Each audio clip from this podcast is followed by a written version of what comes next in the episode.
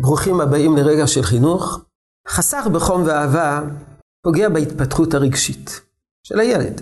אבל לא רק בהתפתחותו הרגשית, אלא גם בהתפתחותו הרוחנית, באידיאולוגיה שהוא עתיד לגבש.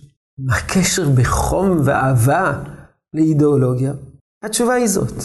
ילד שזוכה לחום ואהבה, מרגיש אהוב, טוב לו בעולמו, והוא גם אוהב את העולם, ומפתח כלפי העולם גישה חיובית.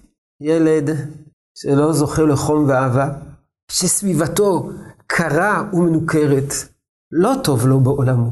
לא טוב לו בעולמו, וכתוצאה מזה הוא מפתח גישה שלילית כלפי העולם. זה עתיד להתפתח לאידיאולוגיה. גישה חיובית כלפי העולם היא המפתח לגישה אופטימית, לראייה חיובית כלפי המציאות, כלפי הסביבה, כלפי בני אדם, כלפי האנושות, כלפי כלל העולם. גישה שלילית כלפי העולם עתידה להתפתח לפסימיות, לגישה קשה כלפי העולם, חוסר אמון בעולם, ראיית הרע בעולם, חשיפת והתעכבות רק על דברים קשים בעולם. זו גישה פסימית, וזה גם עתיד להשפיע על אמונתו של הילד.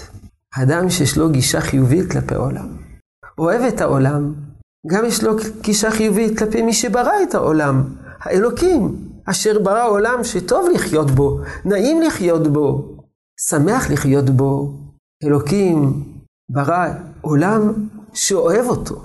לעומת זאת, ילד שחש כך בעולם, מרגיש שהעולם מנוכר אליו, לא יגלה הרבה סימפתיה כלפי בורא העולם, שברא עולם שמכאיב לו, כלפי עולם שמייסר אותו. אולי יפטר גישה עוינת כלפי הקדוש ברוך הוא, ואולי בסופו של דבר אפילו יכפור במציאותו של הקדוש ברוך הוא. הנה, חום ואהבה זה לא רק רגש, זה גם מפתח השקפת עולם.